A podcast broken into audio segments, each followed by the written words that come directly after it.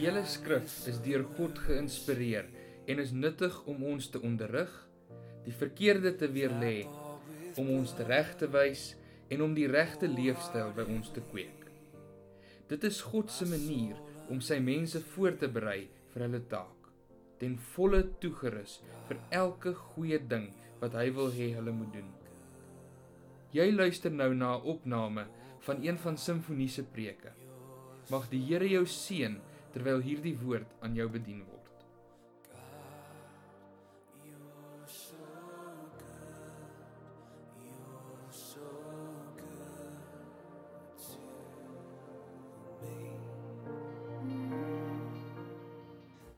Pastoor. Goeiemôre geliefdes, gaan dit goed met julle? Wonderlik, so lekker om elkeen vanoggend te hê. Ja, vanoggend is ons dankdiens en hoekom sê ons dankie? Ons sê dankie vir die Here se sorg in ons lewe, is dit nie so nie? Ons sê dankie omdat ons vandag ons afhanklikheid verklaar vir sy sorg ook in ons lewe.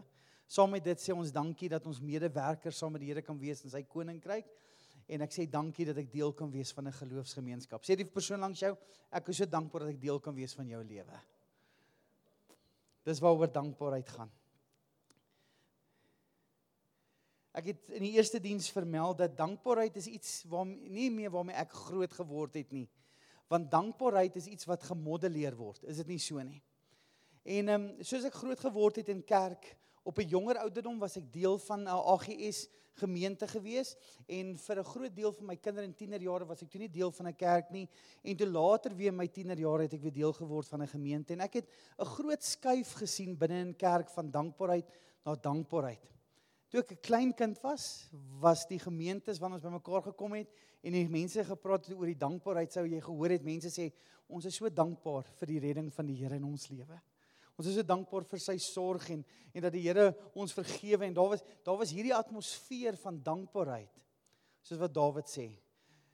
Dawid sê Here, herskep in my hart daardie vreugde wat kom as ek weet ek is sondevry. Ek het dit in my ouers se lewe gesien en mense se lewens gesien, 'n dankbaarheid vir vergifnis in hulle lewe. Soos tye aangegaan het, het ek gesien daar het 'n groot skuif gekom en en dankbaarheid het baie meer gefokus geraak op dinge.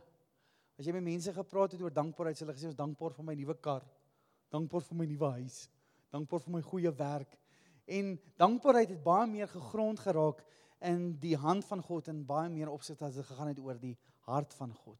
Daai liefde van Christus vir ons aan die kruis.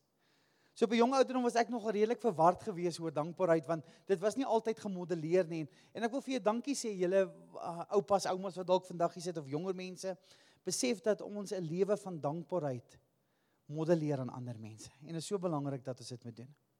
Ek het groot geword met liedjies soos Thank you for the music and the songs we're singing. Onthou julle dit? Hæ? Huh? Ja, thanks for all the joy they bring.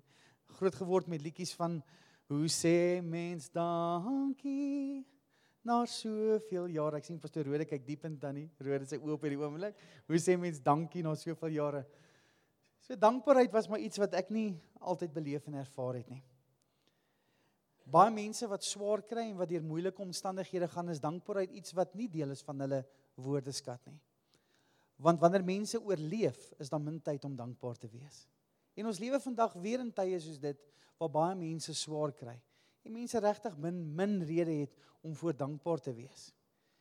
Ons het min rede om voor dankbaar te wees as ons fokus dinge is. Maar as ons fokus die hart van God is en sy voorsienigheid deur Jesus aan 'n kruis het ons as kerk vreeslik baie rede om voor dankbaar te wees. Is dit nie so nie?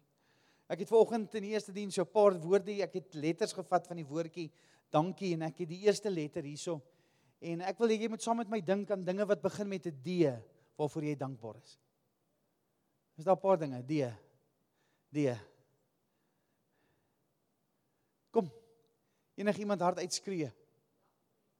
Die dag breek elke dag. Enige iemand nog? My daaglikse brood. Enige iemand? Double thick milkshake. oh, nog enige iemand, 'n laaste deetjie daar sê, het ons enige iemand iets oor die waaroor jy dankbaar is? Drome. Dankbaar. Kom ons maak so. Kom ons gaan 'n bietjie na die A toe. Enige iemand ietsie oor die letter A waaroor jy dankbaar is? Vir vir Abba Vader. Vir nog ietsie. Vir asem. Julle julle was in die eerste diens, nê? Nee, ek kan dit hoor. Dankbaar vir alles. Kom julle agter daar so gemeenskaplike faktore in ons lewe van dinge waarvoor ons dankbaar is. Ietsie rondom en en ek onthou tannie Elise Elise het daar agter gesit en sy skree toe toe sy en sien. Toe sê sy nik niks. vir nuwe lewe. Nog iemand? Vir nederigheid, vir vir nuwe klere. Ja. Vir nagmaal. Ja, dis sulke besonderse dinge. Kom julle agter hoe maklik begin dit raak om te dink oor jy gaan soveel dinge waaroor ons dankbaar kan wees. As iemand jou partykeer voorkeer en sê waaroor is jy dankbaar en sê nou, ek weet nie, nie maar daar's eintlik soveel redes. Die K. vir kerk. Kos, vir krag. Kleinkinders. Wonderlike kinders. Enigiemand nog ietsie vir die K. Kersfees en 'n kar. Kersfees en 'n kar. U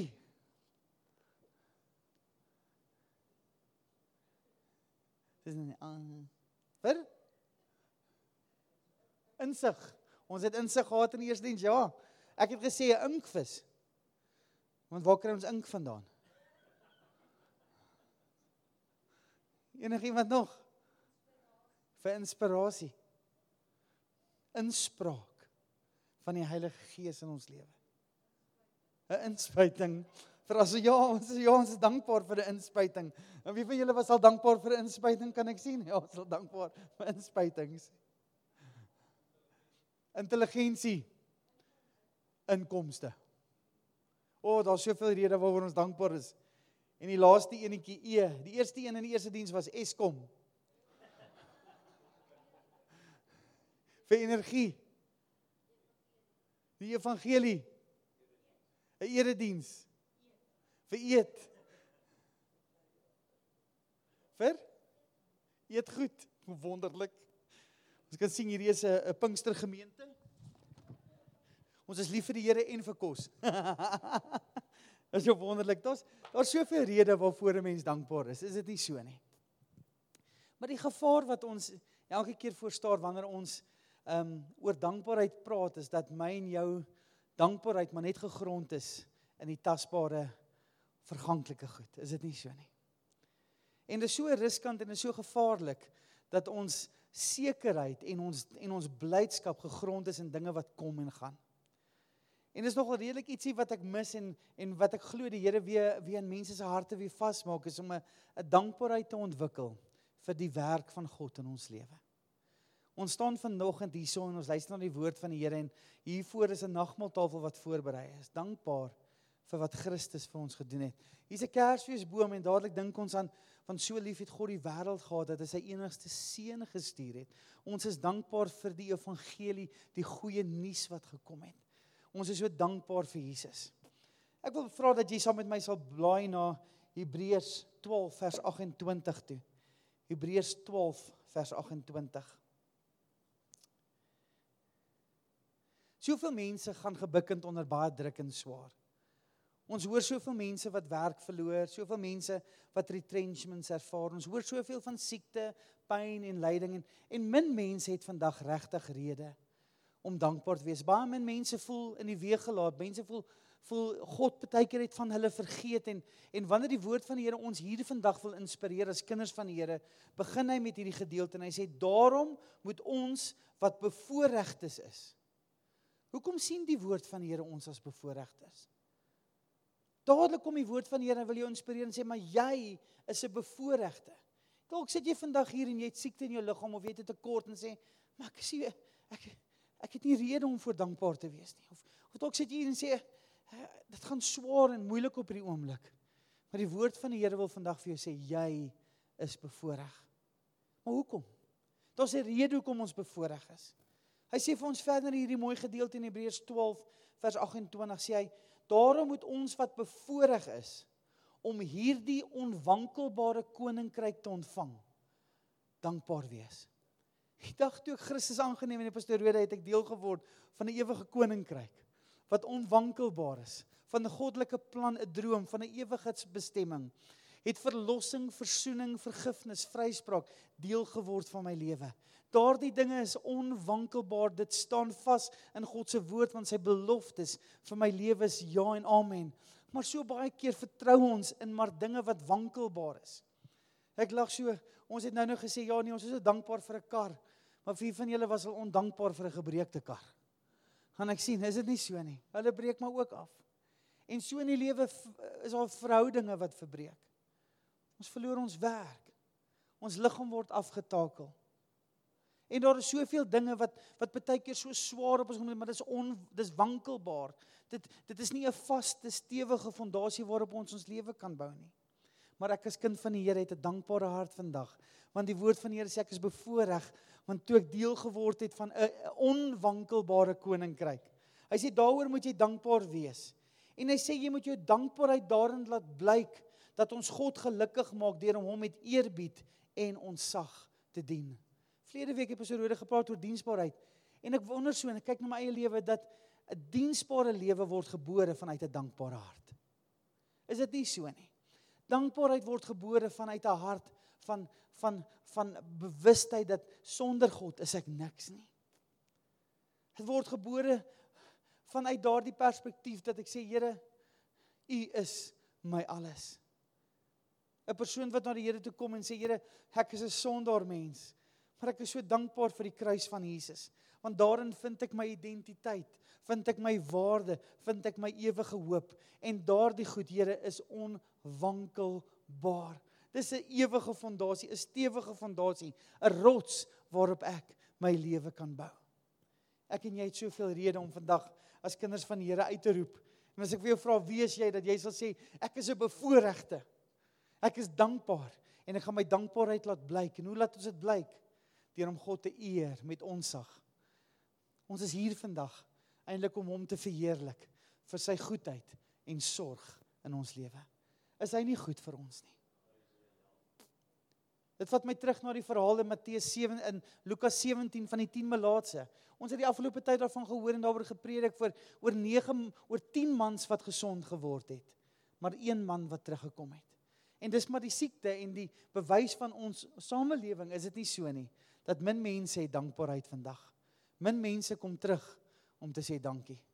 Ek onthou as jong seun as ek so by die eetkamertafel sit en daar lê 'n hele twee skeppies ertjies in my bord en my pa kom vir agter verby en hy gee my so veeg oor my kop en sê hy is jy ondankbaar daar's baie kinders wat nie daai kos het soos jy nie wie van julle het so groot geword dan besef ou ja Daar's dankbaarheid vir soveel goed in 'n mens se lewe.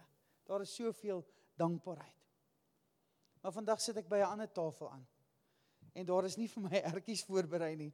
Daar is vir my 'n tafel van herinnering voorberei. 'n Tafel van herinnering dat sê dat deur sy bloed het daar 'n nuwe verbond gekom. Hy is my vader en ek is sy kind.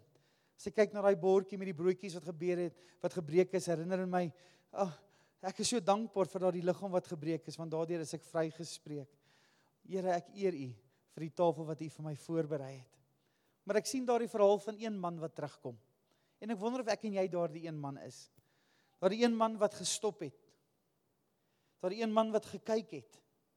Daardie een man wat wou luister en daardie een man wat dankie gesê het. Want toe hy op 'n plek kom waar hy sien, hy het gestop en hy het gesien hy's gesond gemaak het en na Jesus toe gekom om sy dank te betoon. Sien jy die uitdaging met ons vandag in hierdie wêreld en hierdie lewe is ons is te besig. Ons raak min stil om te reflekteer oor die goedheid en sorg van die Here in 'n mens se lewe. Is dit nie so nie? Ek het nou maar 'n paar letters gevat om wat dankie spel en ons het hoeveel goed het ons gekry waaroor ons dankbaar is vanoggend. Vir om stil te kan raak. Om regtig stil te kan raak in hierdie warbel van die lewe wat so gejaag is na wind, nê. Nee. En regtig stilte kan raak. Vandag te kan sê dankie vir my kleinkinders. Here al is hulle so besig. Verskriklik besig. Here, dankie vir hulle. Here, ek dankie vir my vrou. Al hou sy my besig. Daar is soveel dinge. Stop 'n bietjie. Kyk na God se voorsienigheid in jou lewe. Kyk na sy voorsienigheid in jou lewe. Ek het nou die dag daarvan gepraat toe ek by die hospitaal was. En 'n dame het gesukkel met haar rolstoel so in die gang af. En niemand het haar gehelp en toe ek so verby haar loop, toe sien ek sy het al twee haar bene verloor. En niemand wou haar hier in die gang afhelp nie en ek het haar toe afgehelp tot in die gang en toe sy so wegstap sê ek Here, daar is soveel dinge waaroor ek kla, maar eintlik is daar soveel dinge waaroor ek dankbaar kan wees.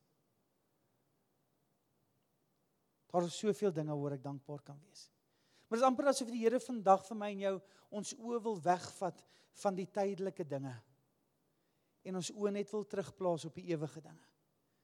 Ja, hier staan 'n boom vandag, maar daar was ook 'n kruis en 'n redder wat aan daardie kruis gesterf het vir jou en my. En sy naam was Jesus. En daaroor is my hart dankbaar om vandag stil te kan staan en te kan kyk, te kan luister na wat daardie kruis en wat daardie boodskap van God uitroep, wat sê dat ek is geliefd. Ek is dankbaar vandag want ek weet ek is geliefd. Hierdie tafel roep dit uit. Hierdie gemeente roep dit uit. Hierdie geloofsgemeenskap roep dit uit. Hierdie woord van God roep dit uit. U as individu roep dit uit. God is lief vir die mens mag julle aanhou daardie boodskap uitdra van dankbaarheid. Ek wil jou vra om na 'n gedeelte toe te blaai in 1 Kronieke. 1 Kronieke. Dis in die Ou Testament. 1 Kronieke 29 vers 14. Hier is 'n gedeelte waar waar Dawid boumateriaal bymekaar gemaak het om die tempel te bou. Hy het hierdie bymekaar gemaak en daar staan in vers 14 en nadat hy met die Here gepraat het sê hy want wie is ek tog Here? Hy sê so mooi. Hy sê maar wie is ek tog?